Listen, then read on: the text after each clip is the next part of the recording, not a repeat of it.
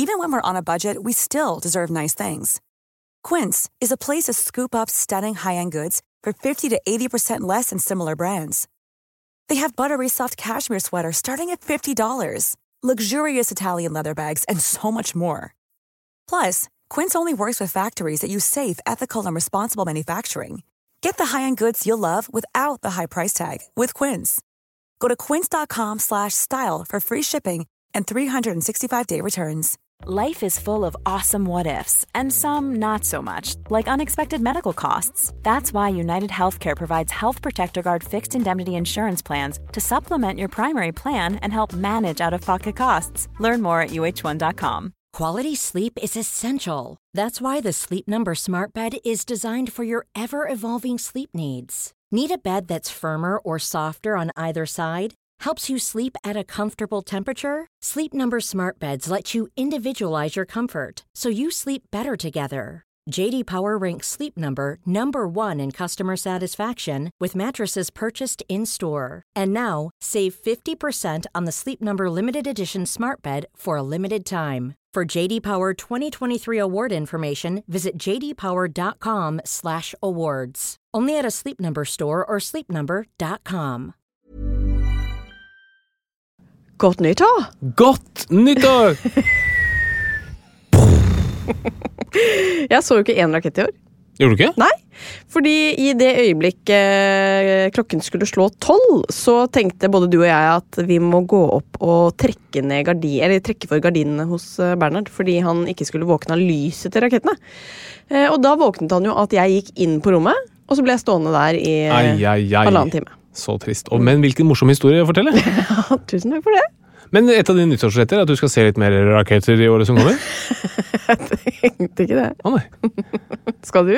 Nei, det har jo vært ditt nyttårsforsett. Nei, det har jeg aldri sagt. Å nei, beklager. Tusen takk. Vær så god.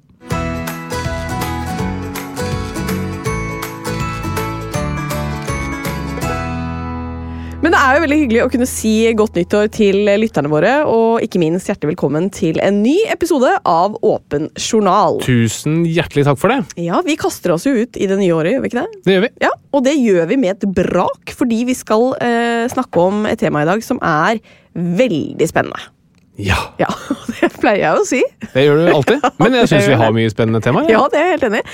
Eh, og dagens tema det er psykoser. Eh, og det er jo sikkert en diagnose du som psykopat Harald, vet ganske mye om. Ja, absolutt. Både egen erfaring og gjennom yrket mitt som lege så har jeg sett eh, mange psykoser i forskjellige utblomstringer. Ja, hvordan er det egentlig med det ordet psykopat? Er det greit å bruke? Eh, nei, det er egentlig ikke det. Nei, men jeg bruker den om deg. Det regner jeg med at du gjør. Eh, og jeg skal faktisk også ta en liten test på deg i dag. Ok? Ja, fordi at Dersom man skal på en måte diagnostisere det som er et litt sånn omstridt begrep, nemlig psykopat, så kan man bruke en psykopatisjekkliste. Eh, og Det høres ut som en sånn side to eh, sånn, Sjekk om du har eh, psykopatiske trekk. Det er det ikke. Det er en ordentlig sjekkliste. Jo, men det er typisk side to å linke Ja. til den testen. Og det er kanskje også der jeg kommer til å gå inn for å Det vil finne den. anta. Jeg skal da sjekke eh, hvor mange trekk du har eh, fra en psykopat. Jeg tipper det er Ja, det er noen. Det er sikkert noen, men Ja. Mm. man har alltid noe på alle disse trekkene. Det, er jo, det husker jeg fra da jeg studerte um, medisin for Mm. veldig mange år siden. Så er jo ett semester psykiatri, Ja. og det er veldig mange man, man tikker av på veldig mange bokser. Ja. Det er litt guffent. Og det må jeg også si, som vi kommer tilbake til rundt psykoser i dag, så kommer du til å se at det er veldig mange ting her som alle har litt av, Mm. men som når, man, når det blir for mye av det, da blir det en psykose. Ja. Det blir spennende. Og så blir det jo eh, spennende å få dagens gjest på besøk. Få høre om hun selv tenker at hun har noen eh, psykopatiske trekk. Eh, jeg vil tro hun er ærlig, ærlig, snakker rett fra levra. Vi skal få besøk av Live Nelvik. Wow!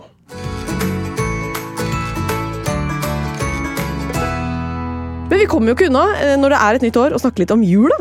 Ja! For det, er du glad i. Jeg er veldig glad i jul. Jeg gleder meg allerede til neste jul.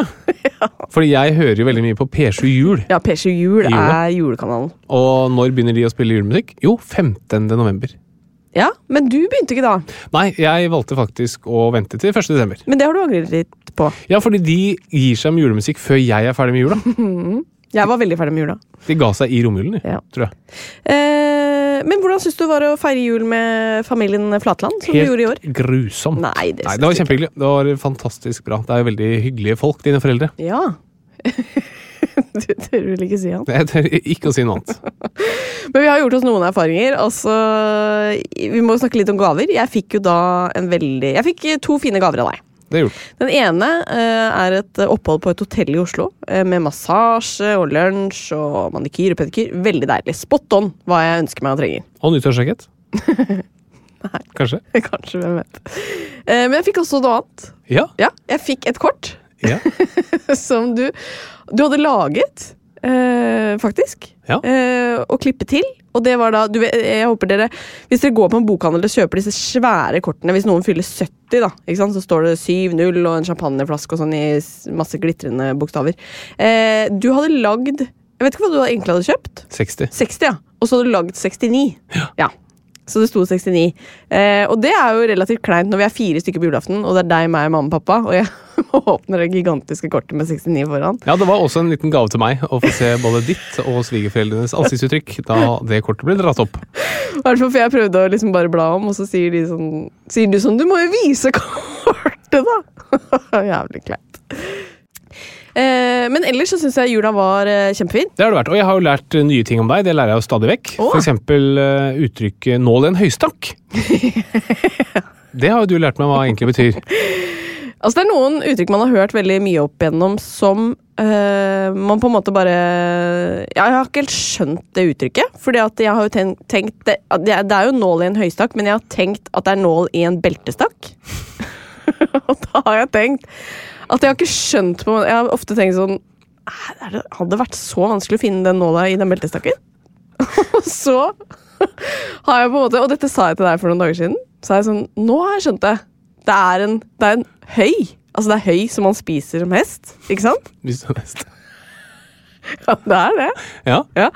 Eh, det er ikke beltestakk. Det er eh, vi- vi må jo rulle videre, så vi ikke bare snakker om mine mm, fantasier, holdt jeg på å si. Rare fantasier. Eh, jeg har lyst til å fortelle litt fra studiebenken. Spennende. Ja. Fordi eh, jeg har jo begynt i praksis eh, denne måneden. Jeg er i praksis på gynekologi. Det tror jeg er riktig uttale. og føden på Rikshospitalet. Og det har vært helt fantastisk. Vært der en ukes tid. Skal være der i tre til. Og det må jeg bare si at der tror jeg jeg har funnet den spesialiteten jeg kunne tenke meg å jobbe med. Ja, fordi kvinner og barn, veldig spennende. Eh, De har, eh, kan ha det meste av sykdommer, eh, samtidig som at du får kirurgibiten når du opererer ut babyer gjennom keisersnitt, eller du er med på en fødsel. Som jeg har vært med på veldig mye denne uka. Vært så morsomt. Ja. Eh, og hva gjør jeg? Jeg gråter hver gang det kommer en baby. ja. Ja, Det er veldig fint, det første skriket som kommer. eh, og den litt sånn skumle stillheten hvor barna har kommet ut før du begynner å gråte. Den er sånn, Og da blir det veldig emosjonelt. da. Så det har vært veldig spennende. Og jeg må også bare si til de jordmødrene som er på avdelingen på Rikshospitalet fantastisk gjeng. Ta meg med på alt som skjer. Eh, ta med inn og øve på dukker, på hvordan man kan ta imot barnet. Eh, kjempefin gjeng. Og hvis ikke jeg skulle blitt lege, så ville jeg blitt jordmor. Ja. Ja. men det er fantastisk. Jeg syns gynekologi er kanskje noe av det morsomste i kirurgien. Mm. Noen konkrete historier du vil dra opp? Noe taushetsplikt du vil bryte? Eh, nei, det er det jeg kjenner jeg ikke vil eh, akkurat i dag. Eh, men etter hvert kan jeg fortelle mer sånn generelle ting som er anonymisert. Mm. Mm, ja. Gleder oss til å høre om. ja, så det blir spennende. Følg med, stay tuned. Eh, men før det så skal vi også ta ei lita sjekkliste på Harald. Er du psykopat, eller er du ikke? Ja. Er du takk, eh, takk for mistanken, og jeg er klar. For dagens tema da, folkens, det er jo eh, psykoser. Eh, veldig spennende tema. Men jeg har jo eh, alltid tenkt at jeg er sammen med en psykopat. Eh, Og en gang for alle skal vi finne ut om det. Nei, jeg har ikke tenkt det. Men eh, man har nok noen trekk som eh, kan eh, bikke den ene veien. Det du skal svare, på en måte er om det er til stede, sannsynligvis til stede, eller ikke til stede. Ok, Ok? Glatthet og overfladisk sjarm. Sannsynligvis til stede. Ja, det er jeg enig. i. Eh, egosentrisk eller storhetsideer om egen verdi. Ikke til stede. Ja, det er jeg enig. i. Eh, behov for impulser, lett for å kjede seg. Det vil jeg si er til stede. Fullstendig til stede. ja.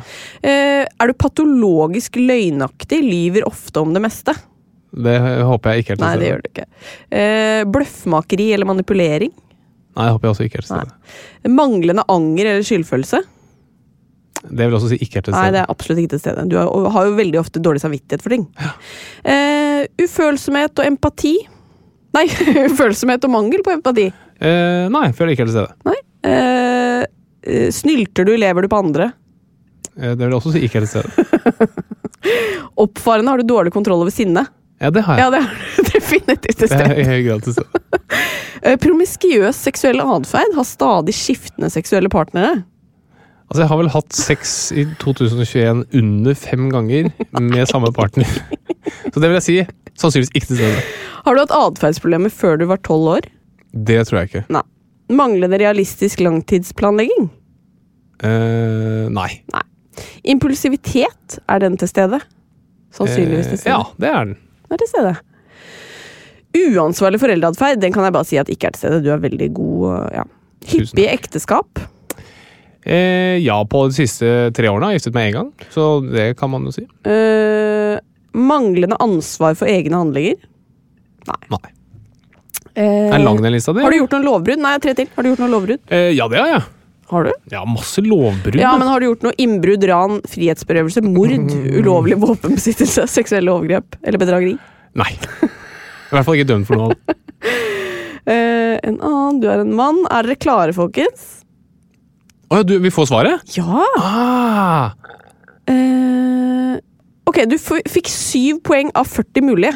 Eh, og han der psykologen, da, han Hair, han satte som krav at man måtte ha 30 poeng eller høyere for å kunne score som en psykopat. Så du What? er langt unna! ah. Hvis summen hadde passert 20, kunne man snakket om psykopatiske trekk, men det har du altså ikke. Er så langt Gratulerer så unna. Ja. Ja, det var veldig deilig. Veldig bra. Da er vi jo glad begge to for at ikke du er noen eh, som helst psykopat. Deilig. Men det er fortsatt noe gærent. Nei, det, det er det. Vi får lete videre.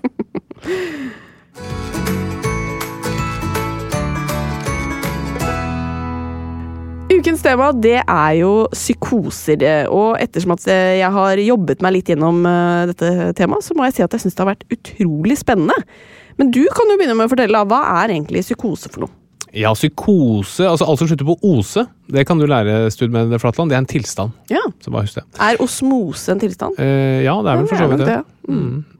Flere oser du har lyst til å En trose? mose? Ja, en trose Ugler i mosen? Ugler i mosen, ja. Nei, men psykose det er en tilstand um, som, hvor man har en forstyrret opplevelse av virkeligheten. Altså man har en realitetsbrist. Og det kan være alt fra at man ser eller hører ting som andre ikke ser eller hører, eller det kan være at man fortolker verden på en måte som anses som helt unormalt, og som ikke lar seg korrigere. Og dette er interessant, det kommer mange nyanser her som vi skal komme inn på senere. Fordi vi har jo alle våre egne måter å fortolke verden på, og hvor grensen går for hva som er normalt og hva som er unormalt, er jo noen ganger vanskelig, andre ganger er det ikke vanskelig. Hvis jeg for er helt overbevist om at det sitter en nisse på loftet, og jeg nekter å la meg korrigere, selv om ingen andre ser nissen, da er det åpenbart at, eh, at det vil anses som unormalt. ja, men der kommer jo religionen inn, ikke sant? Ikke sant? Ja. Fordi noen vier jo hele livet sitt til å tilbe noen som bor oppe i himmelen, men som ingen på jorden verken har sett eller hørt. Men det ser man som normalt, så lenge det er mange nok som deler den oppfatningen. Så det er riktig, som du sier. Religion er jo noe som eh, sånn rent eh, vitenskapelig og kanskje psykiatrisk også eh, kan utfordres lite grann. Ok, men hvordan presenterer en psykose seg, da?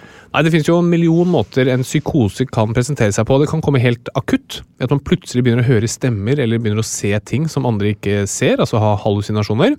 Eller det kan bli, gå gradvis, hvor man f.eks. blir mer og mer mistenksom til alt som skjer rundt ehm, rundt en selv. Da. For eksempel så kan man begynne å bli overbevist om at man blir avlyttet, eller at man blir forfulgt eller overvåket på en måte, som er en ganske vanlig eh, presentasjon av ulike psykoselidelser. Og de akutte psykosene de er ganske lette å ta. Så hvis jeg løper ut i trafikken fordi jeg hørte at Jesus sa det til meg, så er det rett på sykehuset. Det vil de fleste skjønne. Mens de som er sånn kroniske, de som kommer gradvis over tid, de kan være litt vanskeligere å oppdage. Eh, og det var det en eller annen luring som sa en gang at hvis du snakker med Gud, så er det religion. Men hvis Gud snakker til deg, da er det psykose. Og nei, Jeg er ikke mot religion overhodet, men sett med disse brillene, så er det litt interessant akkurat dette samspillet her. da. Og så finnes det jo uendelig mange spennende varianter av psykoser og vrangforestillinger.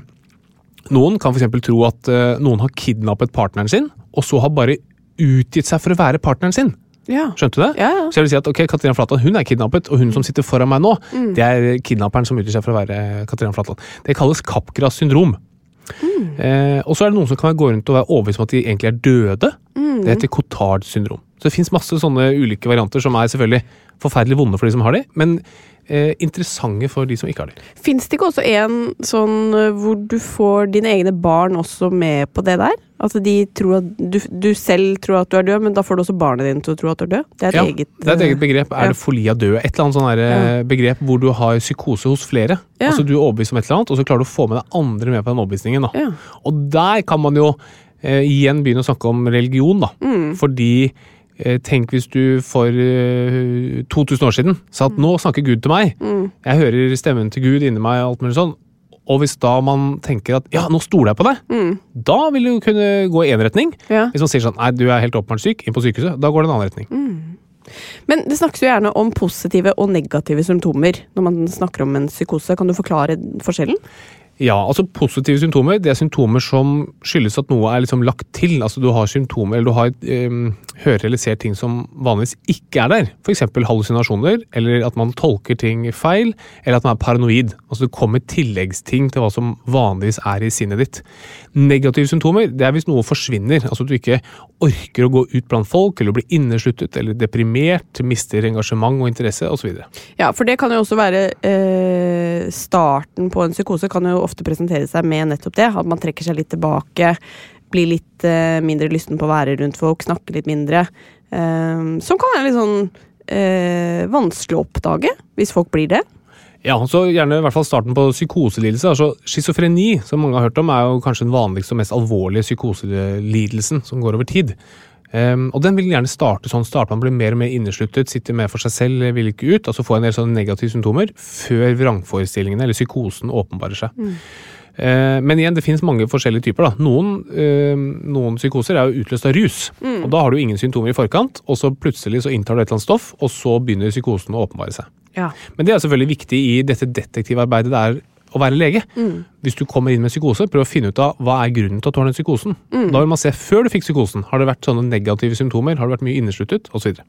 ja, men la oss ta dette med rus, da, for det kan jo være en utløsende årsak. Hvor vanlig er det at et rusmiddel utløser en psykose? Eh, nei, altså Alle rusmidler kan utløse psykoser, og noen rusmidler har jo faktisk eh, hallusinasjoner som en del av rusen. For eksempel hvis du inntar LSD eller ketamin eller fleinsopp, så er jo det å oppleve psykoser, altså opplever hallusinasjoner, det er litt av grunnen til at du tar det. Eh, og det er veldig overlapp mellom psykoser og rusbruk. Men man vet jo ikke helt hva som er årsak og virkning. Er det det at folk som bruker mye rus, opplever mye eh, psykoser, eller mye vrangforestillinger? Eller er det det at fordi de opplever disse tingene, så ruser de seg? Det er ikke alltid helt lett å, å se på, da. Nei. Men gjelder det alle rusmidler, altså alkohol også?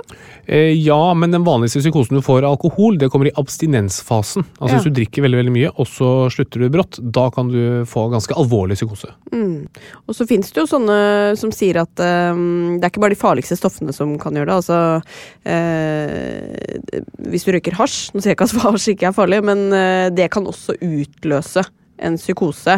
Er det liksom myte? Er det sant? Nei, det er riktig. Det er riktig, ja. Eh, at det å, men der igjen, man ser en veldig overlapp da, mellom Mm. folk som bruker hasj og folk som får psykoser.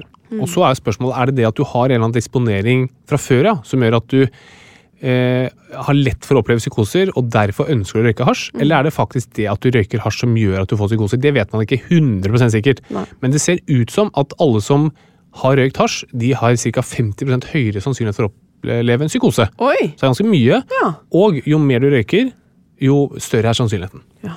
Ok, det var en betydelig økning. Ja. Eh, men disse grandiose eh, forestillingene som eh, man kan få under en psykose, er jo ikke uvanlige. Kan du si litt om de?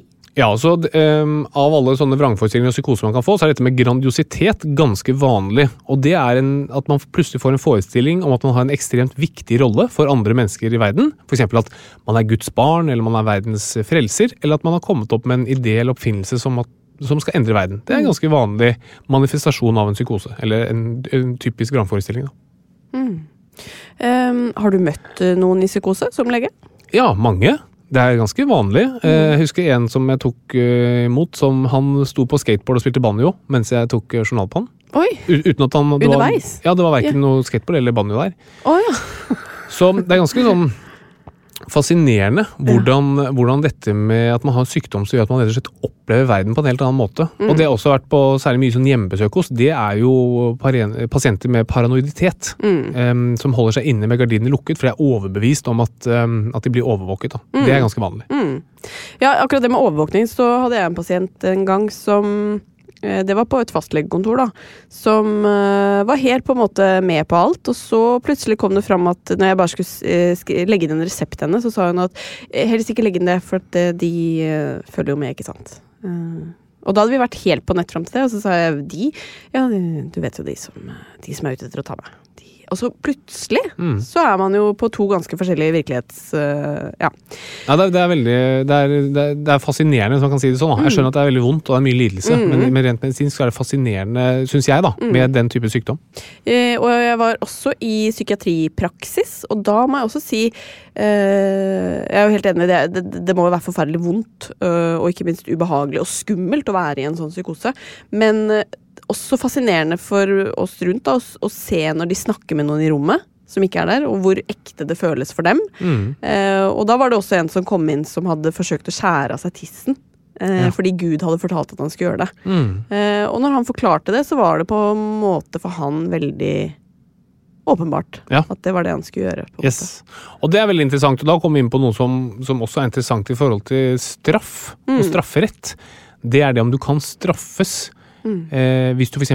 har hørt stemmer som har bedt deg om å gjøre ting. da. Ja, la oss ta det, da, for det er jeg helt enig. Eh, hvis jeg hadde kommet i skade for å ta livet av deg, så ville jo jeg kanskje dratt det kortet og sagt at jeg, husk, jeg husker det ikke, eller jeg var i en psykose. Det må jo være ganske lurt å si. Eh, ja, altså eh, Sånn som reglene er i Norge, da. Det er at For å kunne straffes, så må du være tilregnelig. Og å være tilregnelig det handler om om du kan gjøres ansvarlig for handlingene. Eller er det noe ved personen som gjør at du ikke kan holdes ansvarlig for handlingen? Og det som er litt interessant, er at i Norge, hvis du er under 15 år, så er du ikke tilregnelig. Uansett. Ja, uansett. Yes. Da er du definisjonsmessig utilregnelig. Så fins det sikkert nyanser her, da. Em, men hvis du er psykotisk i gjerningsøyeblikket, da er du heller ikke tilregnelig. Så hvis man hører stemmer som sier at uh, du må drepe Harald, og så gjør du det, da vil du kunne argumentere etterpå for å si at Katarina var ikke frisk, hun hadde stemmer i hodet som, som uh, ba hun drepe Harald. Uh, og å vurdere om man har vært tilregnelig eller ikke, det er ganske vanskelig. For eksempel så finnes det jo problemstillinger rundt rusutløst psykose. Hvis du da selv har frivillig inntatt rusmidler som gir deg en psykose som så gjør at du skader noen, er du da strafferettslig tilregnelig? Og det tror jeg ikke er helt sånn rett fram. Da må man se på sak for sak, da. Um, men uh, jeg tror nok mange vet at det er en måte å slippe unna på. Så det er ikke sånn at bare fordi man sier man var psykotisk eller sier man hørte stemmer, så slipper man unna. Da må man inn og gjøre dette medisinske detektivarbeidet. Da. da må man snakke litt med pasienten. Har det vært noen symptomer før? Høres det realistisk ut? Men som vi har sett i en del straffesaker opp igjennom, det er, altså disse mm, ekspertene på dette her, disse rettspsykiaterne, de er jo heller ikke alltid enige. Nei. Så det er ganske mange nyanser. Men det finnes jo forskjellige typer. Hvilke er det vi har?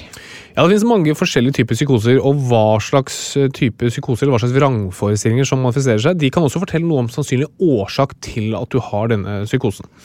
Eh, Så man har bisarre vrangforestillinger. eh, Nå bare er sånn forskjellige kategorier. da, og Bisarre vrangforestillinger det er f.eks. at noen har operert inn en mikrochip i kroppen din. Eh, Og så har man paranoide vrangforestillinger, hvor man tror at man blir forfulgt av eh, andre, og at andre vil deg vondt. Og så har man sjalusivarianter, hvor man er overbevist om at partneren er utro. Og kroppslige varianter, hvor man opplever at det er noe galt med kroppen, selv om det ikke er det. Og dette har vi snakket litt om før, eh, for det finnes jo også personlighetsforstyrrelser. Altså hvor, hvor noen har noen brist i personligheten som gjør at man er mer tilbøyelig for disse vrangforestillingene. Og dette med sånne bisarre vrangforestillinger hvor man har operert inn mikrochipper eller operert inn mikrofoner i tenna sånn at andre kan overvåke, det er litt interessant i forhold til en del sånn vaksinemotstand. Som handler om dette med at man går inn og manipulerer DNA, eller går inn og manipulerer med mikrochipper i vaksinene. da. Så dette her i landskapet med, med mild psykiatri, da, sånn er kanskje litt sånn ufint å si, men eh, det er veldig interessant. Mm, det er jeg helt enig i. Eh, Hvem er det som får psykose, og hvor vanlig er det? Eh, Psykose er ganske vanlig, og mellom 1 av 30 og 1 av 20 personer får det i løpet av livet. Det er mange. Det er veldig, veldig mange. Um, hvis man har en psykoselidelse, altså en sykdom som karakteriseres av kroniske eller hyppige episoder med psykoser, altså f.eks. schizofreni, så får man gjerne den diagnosen som ganske ung, da, altså gjerne i 20-årene. Hvordan er det man får diagnosen? Eh, nei, Da ser man på symptombildet. For de fleste så vil det fremgå ganske raskt at det er en uh, psykose. F.eks. at man plutselig ser eller hører ting som ikke er der, eller den type ting. Eh, så det er stort sett ganske rett fram. Man, må rett og slett snakke med pasienten og snakke med de rundt. Og så er det det å komme til bunns i årsaken som kan være litt vanskeligere. Mm. og hvordan behandler man det? Det kommer også igjen veldig an på årsaken. Da. Er det en rusutløst psykose, så hjelper det da selvfølgelig å ikke bruke det rusmiddelet som gir denne psykosen. Eh, Mens f.eks. med schizofreni, altså sånn mer som kronisk eh, psykosetilstand, i hvert fall for en del, så er behandlingen mer støttetiltak. Altså prøve å få de til å fungere så godt som mulig i samfunnet og få et godt liv. Og så finnes det jo konkrete symptomer mot ulike symptomer, da. Eh, legemidler. Du sa symptomer. Ja, sorry, ja, ja, ja. Mm. Nei, så har man konkrete legemidler eller medisiner mot, eh, mot symptomer. Man har jo det som heter antipsykotika. Altså rett og slett medisiner som virker på da positive symptomer. altså Som rett og slett kaller fjerner psykosen. Da. Det er i hvert fall målet. Og de virker ved å hemme signalstoffet dopamin i hjernen. Ja, og det kan man tenke at det er ikke helt eh, uten bivirkninger. Nei, det er det ingenting som er, men, men jeg tror disse medisinene kom på 50- og 60-tallet. Og på, fram til det så var jo personer med psykose og vrangforestillinger de måtte jo bures inne. Rett og slett for å beskytte seg selv og andre. Så det har vært en revolusjon sånn medisinsk å kunne em, gi folk medisiner som gjør at man kan ha et eh, så godt liv som mulig, og at man kan leve ute vanlig som et fritt menneske, de aller fleste. Ja, for Hvordan er prognosen, egentlig? Hvor lenge, hvor lenge varer en psykose, og hvordan er det etterpå? Mm, Nei, Det kommer også helt an på. Noen, Hvis du spiser sopp da for hallusinasjoner, så varer det noen timer. Mens eh, igjen da, schizofreni kan jo vare livet ut. Med i hvert fall litt av og på symptomer. Men, det som er, men det som er flott, er jo eh, og det husker jeg gjennom studiet også, man var på sånne ulike psykosesentre. De ligger jo midt i byen og, og som handler om at disse pasientene skal være ute og være selvfølgelig helt frie og kunne leve gode og frie liv. Og det er jo fantastisk, og selvfølgelig er det bivirkninger knyttet til medisinene. Men det er jo langt bedre enn det alternativet ville vært. fordi med en psykose så er gans, sjansen ganske høy for at man, man øh, blir farlig, særlig for seg selv. da. Og så er det jo ja, det er ting som kan skje i livet som gjør at man er mer utsatt. Eh, Det finnes jo noe som heter fødselspsykose også. Ja. Som eh, man i etterkant av en fødsel eh, går inn i en psykose, og så kommer man eh, forhåpentligvis ut igjen, og så har man en god prognose etterpå, da. Mm. Hvor eh, man kan leve helt fint eh, med det. Så jeg tenker jo at psykoser er jo også litt sånn Man syns jo det er litt skummelt, på en måte. Og så er det likevel så vanlig. Ja da, det er jo fryktelig ubehagelig å ha, selvfølgelig. Man er jo, det er jo veldig skummelt å tenke på at man selv kan få det. Og så må man huske at Det er jo ikke alltid sånn binært enten så har du en psykose eller ikke. Det er jo mange nyanser. Hvis man er veldig deprimert, eksempel, så er det ikke helt uvanlig at man også får vrangforestillinger rundt Det kan være alt fra at man ikke er verdt noen ting, til at det ville vært bedre hvis man var død. Ehm, ja, Mange sånne eh, nyanser av dette her.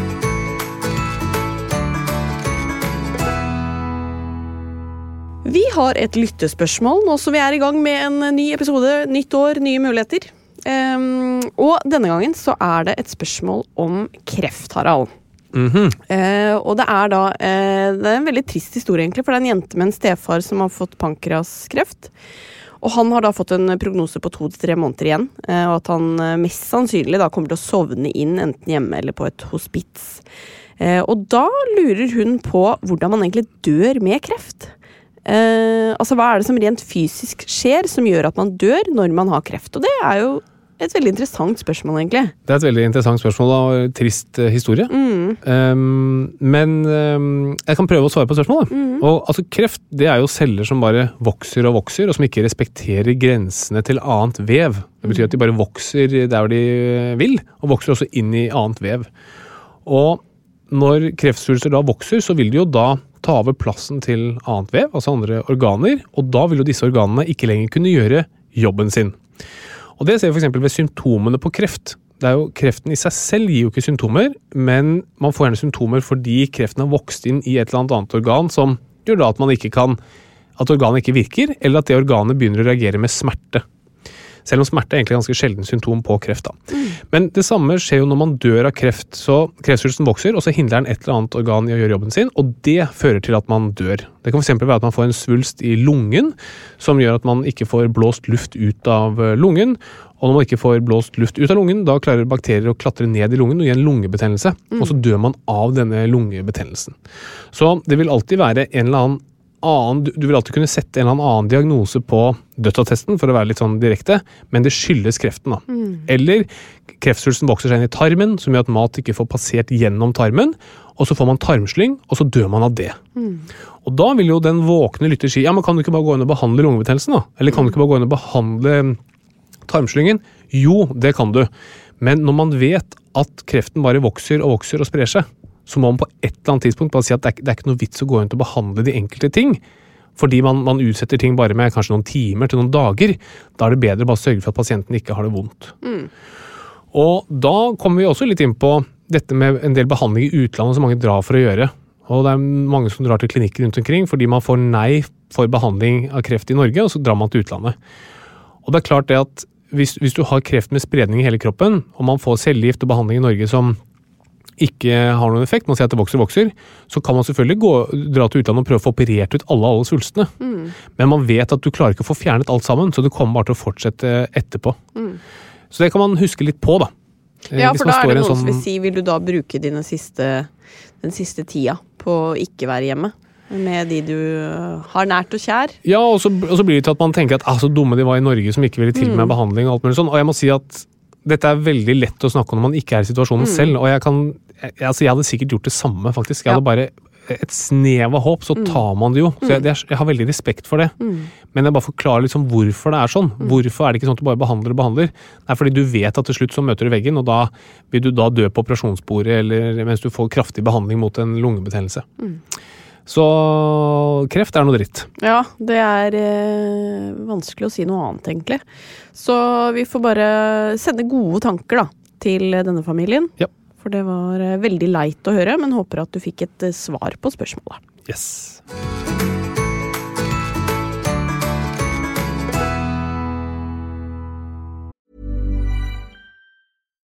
Here's a cool fact a crocodile can't stick out its tongue. Another cool fact you can get short term health insurance for a month or just under a year in some states. United Healthcare short term insurance plans are designed for people who are between jobs, coming off their parents' plan, or turning a side hustle into a full time gig. Underwritten by Golden Rule Insurance Company, they offer flexible, budget friendly coverage with access to a nationwide network of doctors and hospitals. Get more cool facts about United Healthcare short term plans at uh1.com. Hiring for your small business? If you're not looking for professionals on LinkedIn, you're looking in the wrong place. That's like looking for your car keys in a fish tank. LinkedIn helps you hire professionals you can't find anywhere else, even those who aren't actively searching for a new job but might be open to the perfect role. In a given month, over 70% of LinkedIn users don't even visit other leading job sites. So start looking in the right place. With LinkedIn, you can hire professionals like a professional. Post your free job on linkedin.com slash people today. Wow. Nice. Yeah. What you're hearing are the sounds of people everywhere putting on Bombas socks, underwear, and t-shirts made from absurdly soft materials that feel like plush clouds. Yeah, that plush. And the best part? For every item you purchase, Bombas donates another to someone facing homelessness. Bombas. Big comfort for everyone. Go to bombas.com slash ACAST and use code ACAST for 20% off your first purchase. That's bombas.com slash ACAST. Code ACAST.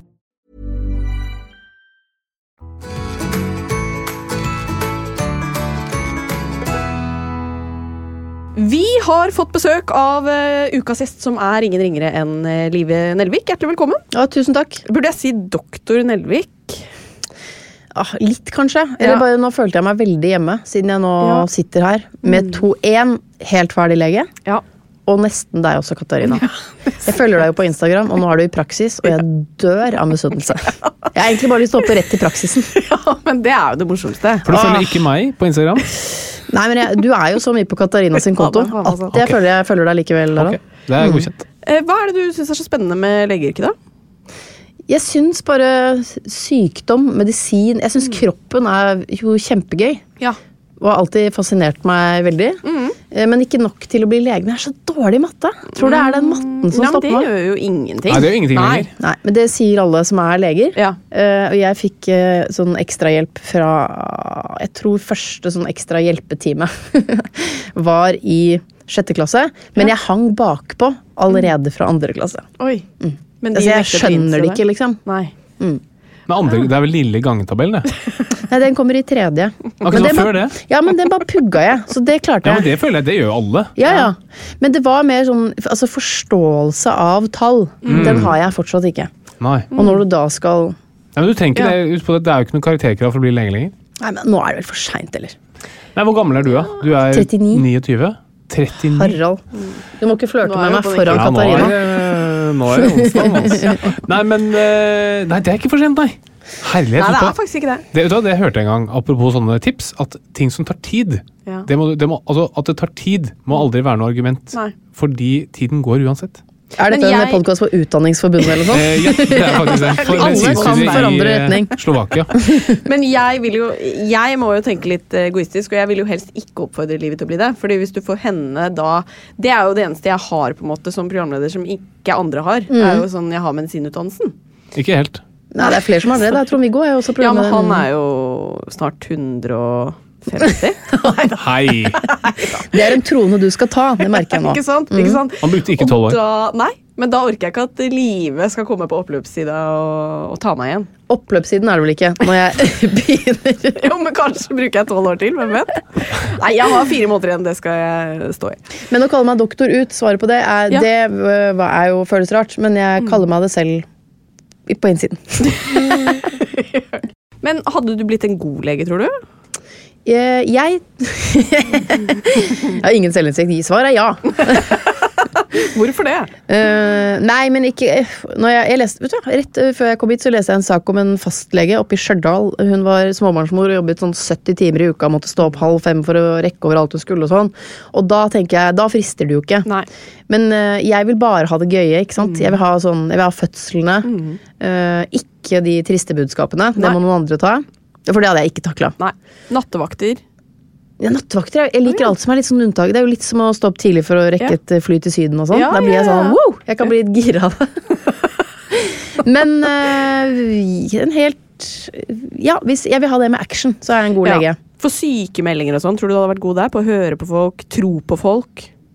Ja, men jeg hadde nok vært litt sånn Den sitter litt langt inne. Du må komme tilbake noen ganger og prøve litt først. Så Mm. Ja. skal du få sykemeldingen, ja. Ja. Uh, men uh, alt sånn derre Men det tror jeg alle fastleger sliter med. Og, og derfor har jeg også droppa å gå til fastlegen med sånne ting. For hva er det? Altså Kroppen er jo helt sånn derre er- Den har jo masse ting som vi ikke finner ut av. Sånn derre, Hvis du har litt vondt i armen, og så gå til fastlegen da og si sånn Nei, det gjør litt vondt her. Er ingen fastlege har det. er jo bare Ja, vi får se, da. Kom tilbake om to uker. Hvis, det er alltid svaret. Ja, ja. Eh, Så erfaringen, livserfaringen har gjort at eh, jeg avstår fra mange fastlegebesøk. Oh, ja. Fordi det er liksom Ja, ja. Så Du vet det borte. svaret? Ja, nei, nei, ingen vet svaret. Så jeg bare blir hjemme, og så går det mest sannsynlig over. Ja. Mm. ja, ikke sant. Mm. Uh, ja, jeg har jo Nå ser du det litt dårlig. Nå skal jeg vise fingeren min. Ser du det der? Eh, ja. Ja. Altså, jeg, da, det er rødt. Ja, men rødt, er det ikke Har du ikke Er det et arr? Er det litt skrukkete? Ja, det er skrukkete. Ja. Og det, det jeg viser Først ville jeg spørre, har du brent deg. Ja, det er veldig bra at du spør om. Nei, det har jeg ikke. Nei. Hva ville du spurt om mer, da? Jeg viste akkurat en, en del av min pekefinger som er rød. Ja, og litt skrukkete. Nei, faktisk. Hvor gammel er du, ville jeg sagt. Faen, du maser om det skrukkegreiene. ja, men den, den huden har liksom fått seg en trekk. Ja, jeg vet det. Det er helt Jeg riktig. ville spurt eh, er det smertefullt. Eh, ja, men poenget mitt er bare at sånn som nå, og det, jeg har fått litt flere òg, lesjoner, sånn som det er, Ja. eh, går ikke til lege med det.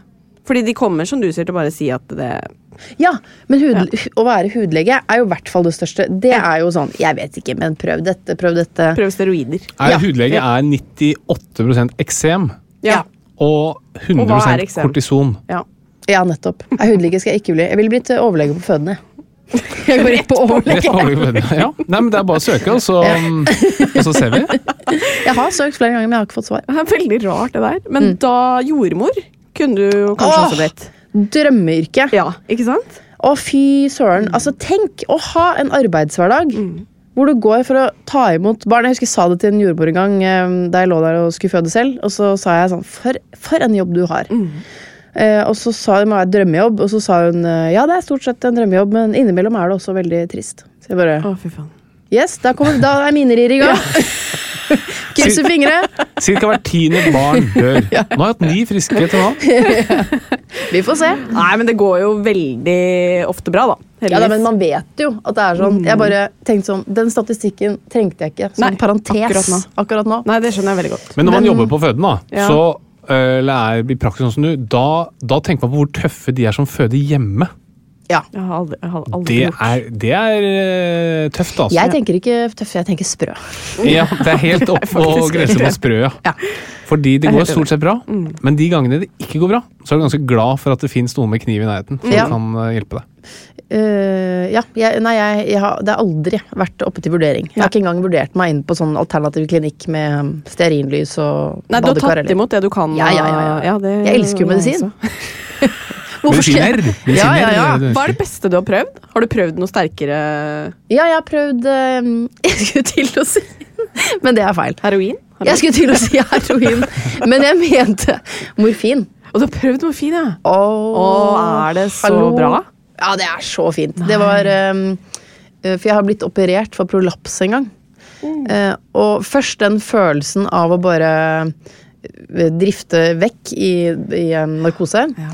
Men så, da jeg våknet opp, Mm. så ligger man og får altså, så sterke medisiner.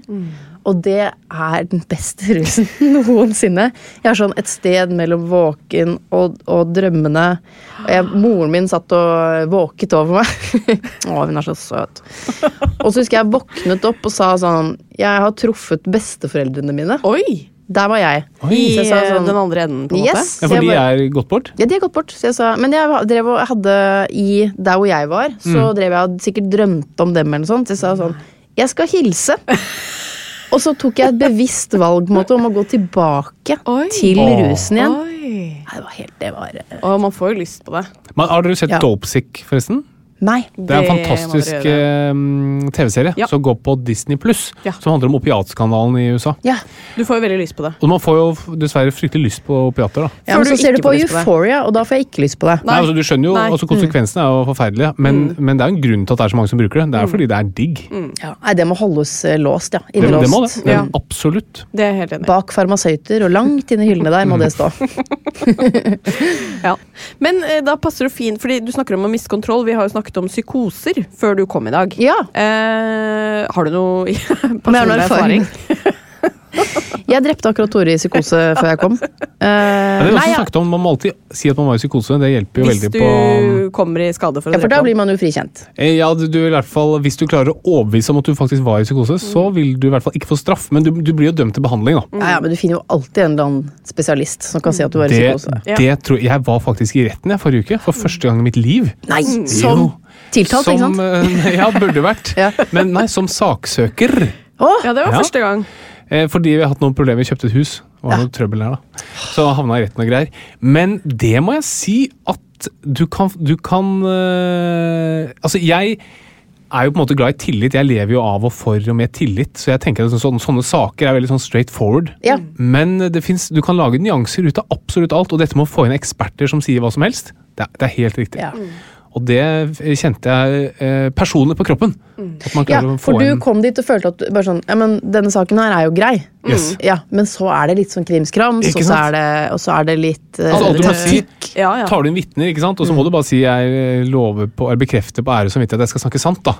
Og da, da legger alt alltid grunn til å snakke sant. Ja. Og etter, du Hvis du liksom orker å gå på akkord med ære og samvittighet, da kan du lide deg hva som helst. Og da er retten sånn Å ja, eh, sier du det, ja? Ja, Ja. ja, Da tar vi det for god fisk. Mens du tar sannheten på ramme alvor. Du forteller sannheten. Ja, altså jeg, Ja. noen ting tenker jeg sånn Sånn her er det bare. Ja, ja. Men plutselig, vet du. Og det er litt sånn som hvis du skulle drept eh, Tore i psykose. Ja. Selv om du bare sier nei, jeg var psykotisk, jeg. Ja. Klarer alltid å finne en eller annen ekspert som går opp på, um, i vitneboksen, og som kan bekrefte historien. Men jeg har jo aldri opplevd eh, eller vært i nærheten av eller psykose. Men, men jeg mener at måte det nærmeste jeg kommer, er hormoner.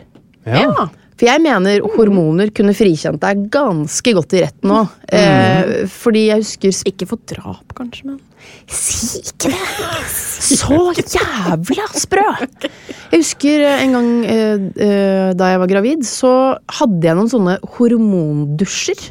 Som jeg kalte det, for det kom, det kom helt uh, uten varsel. Ja.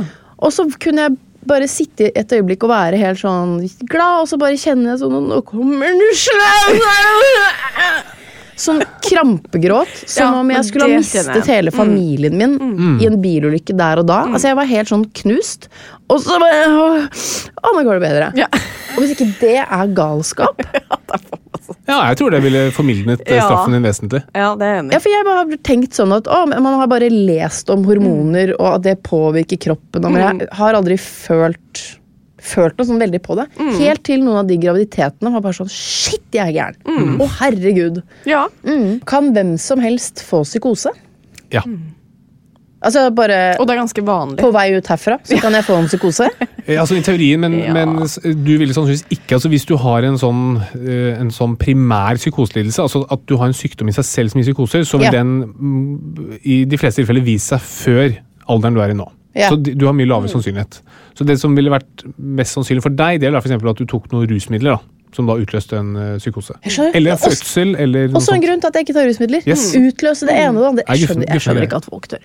Nei, jeg er helt enig. Ja. Og så plutselig så blir du der, da. Ja. I den psykosen. Mm. Men eh, eh, du sier jo at du er litt sånn lege på innsiden. Mm. Har du satt, eh, Setter du diagnose på folk rundt deg? Ja. Ja, det gjør du. Har vi fått noen diagnoser? Eh, Nei. Men ok, men hva slags diagnoser har du satt opp gjennom, da? Er det noen som går igjen? Eh, nei, bare litt sånn venner som kan si sånn ah, jeg føler, Og så du, tar man liksom noen sånne symptomer, Ja. og så sier jeg ikke 'ikke gå til legen, her er fasiten'. Jeg bare sier 'jeg tror det er dette, gå til legen'. Og ring meg når du har fått svaret. Og når de da ringer meg og sier 'det er jo som å Oi. vinne 'Vil du bli millionær'. Ja. For, det. Ja, For du treffer? Ja. Ja! Oi. Men er det da ikke sant? Ja, du har, nei, jeg tipper du har en øvre luftveisinfeksjon. Eller er det mer Eh, spennende diagnoser? Nei, det er jo ganske va... Ikke noe sånn Det er jo ganske vanlig, men Ja. Og har uh, uh, satt en svangerskapsforgiftning. Oi! Oi! Ja da. Og den Hvordan er jo tok du viktig. den? Nei, men det har jeg hatt det selv. Ah, men hva tok, du. Ja. hva tok du det på? Eh, sånn hevelser Hevelser, og ubehag og Hodepine? Magesmerter? Ja, ting jeg hadde selv. Jøss. Mm. Det er en viktig diagnose å ta. Ja, ja, ikke sant?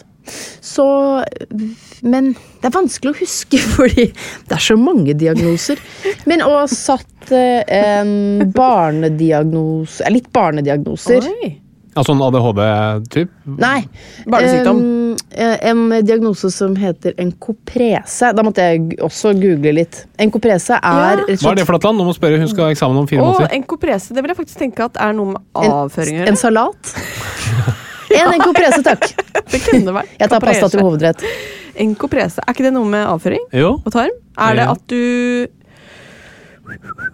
Shit, på den eksamen skal du da kunne alt. Yes, Ja. absolutt alt. Hver eneste Men det er om fem måneder, så gi meg litt slack. Mm, brukt Enkoprese, 11 det har med avføring å gjøre. Jo, jeg vil tro, har du veldig flytende avføring?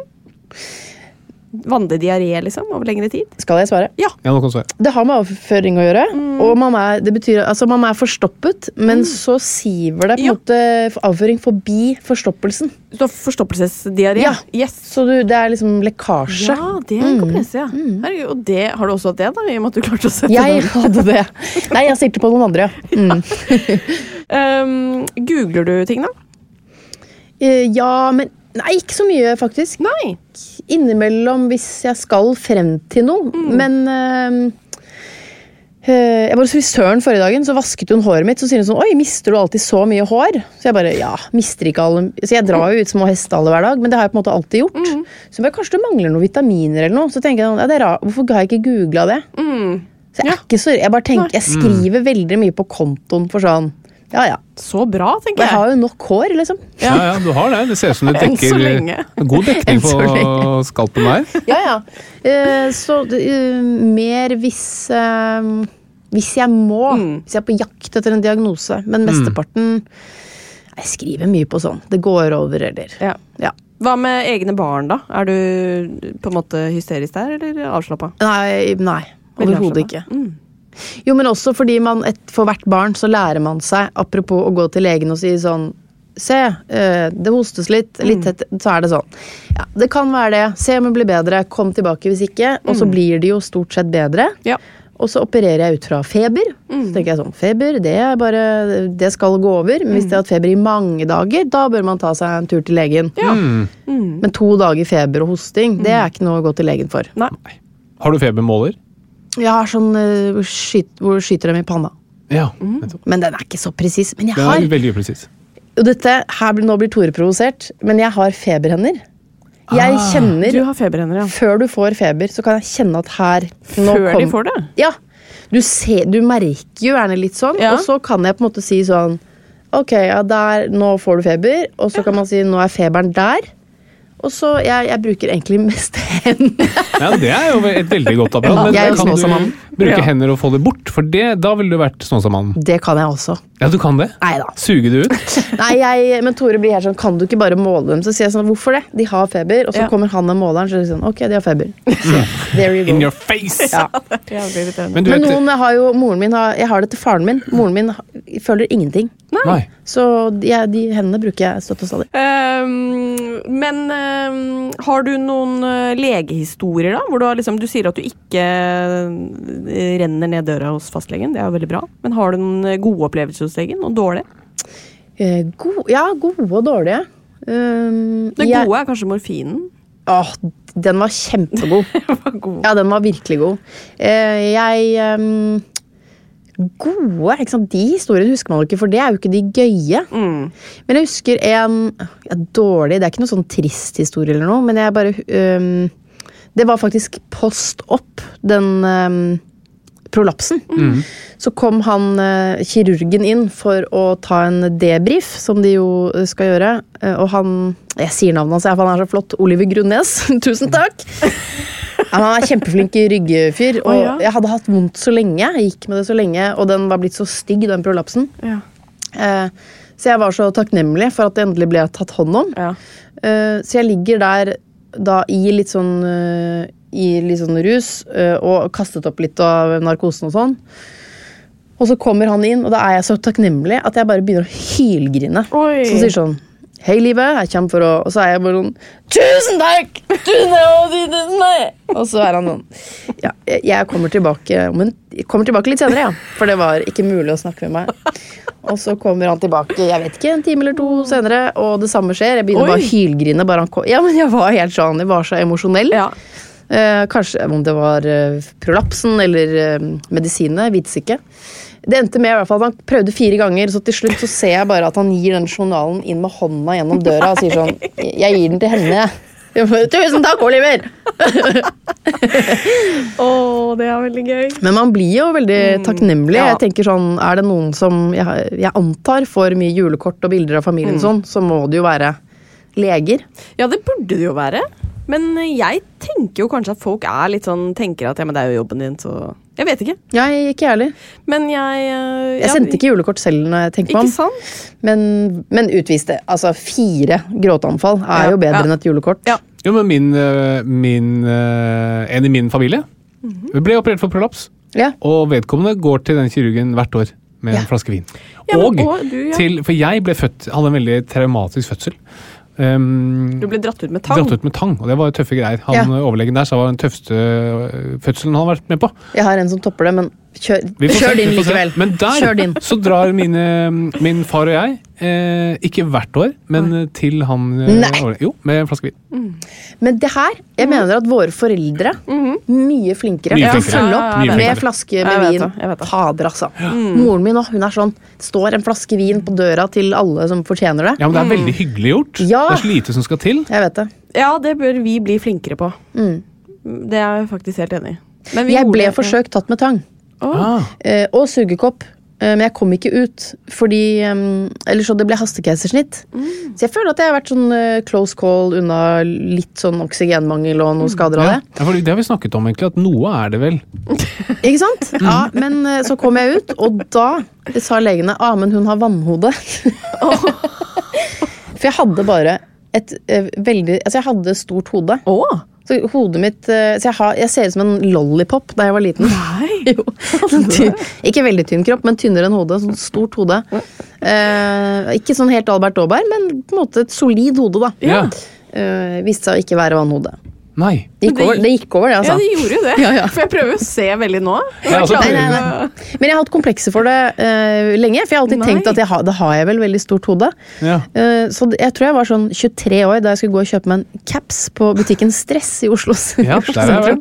Og så sa han ja, hvilken størrelse bruker du? Jeg bare, jeg vet da faen, det største du har, liksom. Og han bare, det tror jeg ikke. Så jeg, han, jeg tror du er denne. Og så kan jeg ikke hodestørrelser, da. Men han bare, du er helt normal. Åh, Å, det var tusen takk! deilig. Ja, Nå må jeg ringe økologen til mamma. Så, Hør her, det var ikke noe vannhode. Men det gikk bra, altså. Men det som da blir spennende når eh, Live Nelvik er eh, lege på innsiden, er Ja. jo hvem som er best i quiz, da. Ja! Er du godt forberedt til dagens medisinske quiz? Det blir spennende. Skal jeg mot en av dere som er lege, liksom? Ja, mot meg, ja. Men heldigvis mot det definitivt svakeste leddet i denne kjeden, okay. nemlig Studmed Flatland. Okay. Er du klar? Mm. Da, Måtte bare ta siste slurk med kaffe. Jeg skjønte det. Vent litt. Vent litt. Ok. da er du klar. Ja. Og da kjører vi quiz. Ja.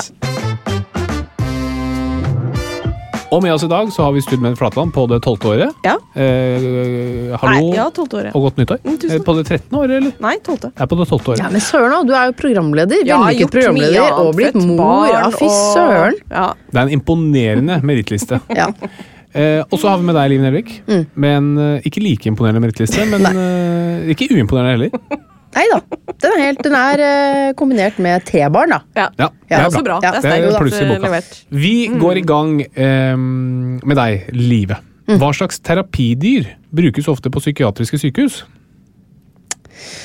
Terapidyr Ja, de må jo være veldig søte, da, vil jeg tro. Mm, og litt sånn lodne, kanskje. Er, men er det valper? Det blir kanskje litt vilt. Jeg sier hund, jeg. Jeg har også veldig lyst til å si hund. Psykosebamse. Ja. Nei. Nei. Er det sant? Ja. Ja, Ja, for vet du hva? De hundene må få litt fri òg. De skal søke etter folk i fjellet, de skal passe på blinde, Ja. de skal finne narkotika. De kan ikke puttes inn på psykiatriske Nei, det det. ja, det, var, det er helt logisk, egentlig. Okay. Live, hvor mange prosent av befolkningen er det som man tidligere kalte psykopat? Sikkert flere enn man tror. Fordi du, for at, uh, hvis man er oppe på 17, så begynner man å sortere 20. inn Mm. 20. Ja. ja, jeg sier en 30 Oi. Oi! Oi. Så én her i rommet, da. Nei, ja, men nei. Ok, så jeg går ned på 17 jeg. Katrine. 2 prosent. Ja, 1 prosent. Nei, 1 Å ja. Så én av hundre. Nei, Jeg føler altså, man hører sånn her, Det er så mye mer psykopater enn man tror, og sånt, så jeg bare Ja. tenkte her drar vi på. ja, men det er mer i, i storbyer og sånn er det ofte mer, da. Eh, neste spørsmål. Live, hva Ja. slags kulturarrangement er mest populært blant psykiatere? Nei, Jeg sier eh, Jeg sier Jeg sier hva Jeg sier Rolling Stones på Norwegian Wood, jeg.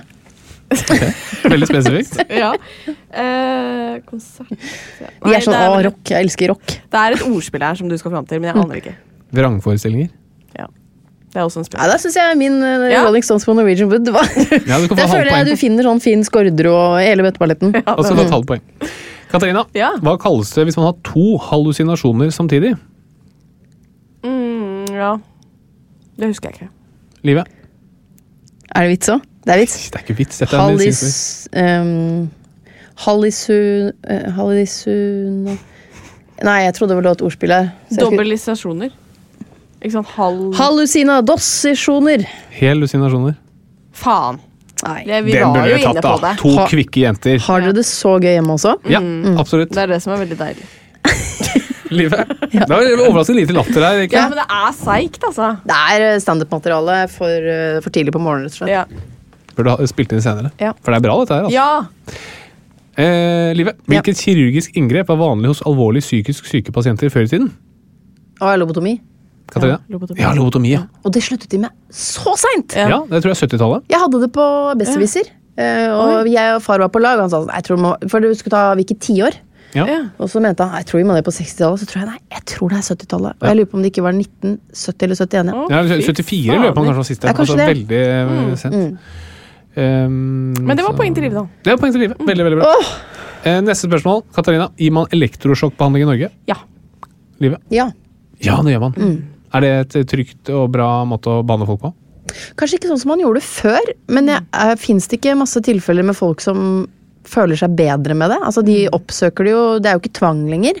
Nei, Er det vel? Det er man kan vel teoretisk gjøre det på tvang, men det tror jeg er ekstremt sjelden. da. Mm. Men eh, ja, det er veldig effektivt. Og ganske trygt også. Det er en bra måte å Det er ofte lager man sånn mediegreier rundt at det er veldig dumt, for det, det ser veldig dramatisk Ja, ja, ut. Har Men ligger man ikke nå i Ja, ja. narkose når man får det? I hvert fall litt sedert. Ja. Så du induserer et epileptisk anfall, så det ser ganske sånn voldsomt ut, Mm. men eh, ganske effektivt. Ordet sedert. Bare hør så åh, flott. Deilig. det er. Fint at du sier det sånn, Harald.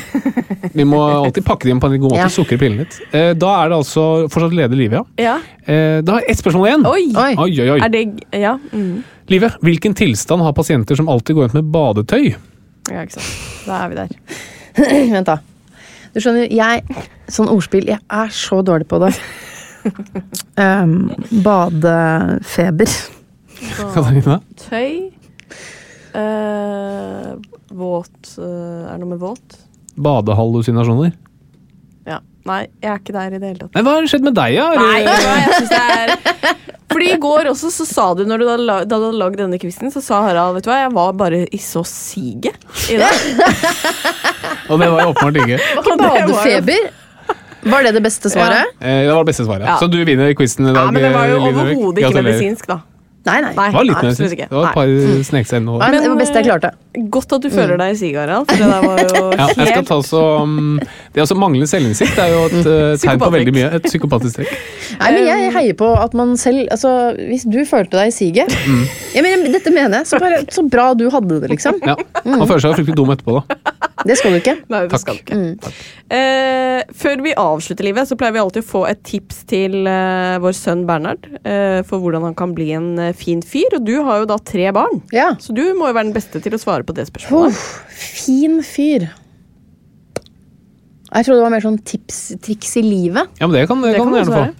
Eh, ja, hvis jeg skal gi Jeg måtte gi um, Jeg var i en konfirmasjon uh, forleden. Forleden. kjedelig. Det er kort tid siden, ass. Ja. Men i høst, da. Men konfirmasjonen er kjedelig. Ja, det var ikke så verst. Det var litt sånn opptreden og sånn. Oi, Oi. opptreden! Ja, ja, litt sånn sang. Og da, ikke sånn rosa sangen, men søster sang til søster. og- Ja, det var veldig nydelig. Men da må man jo hoste opp noen gode råd for livet. Eh, og da For livet.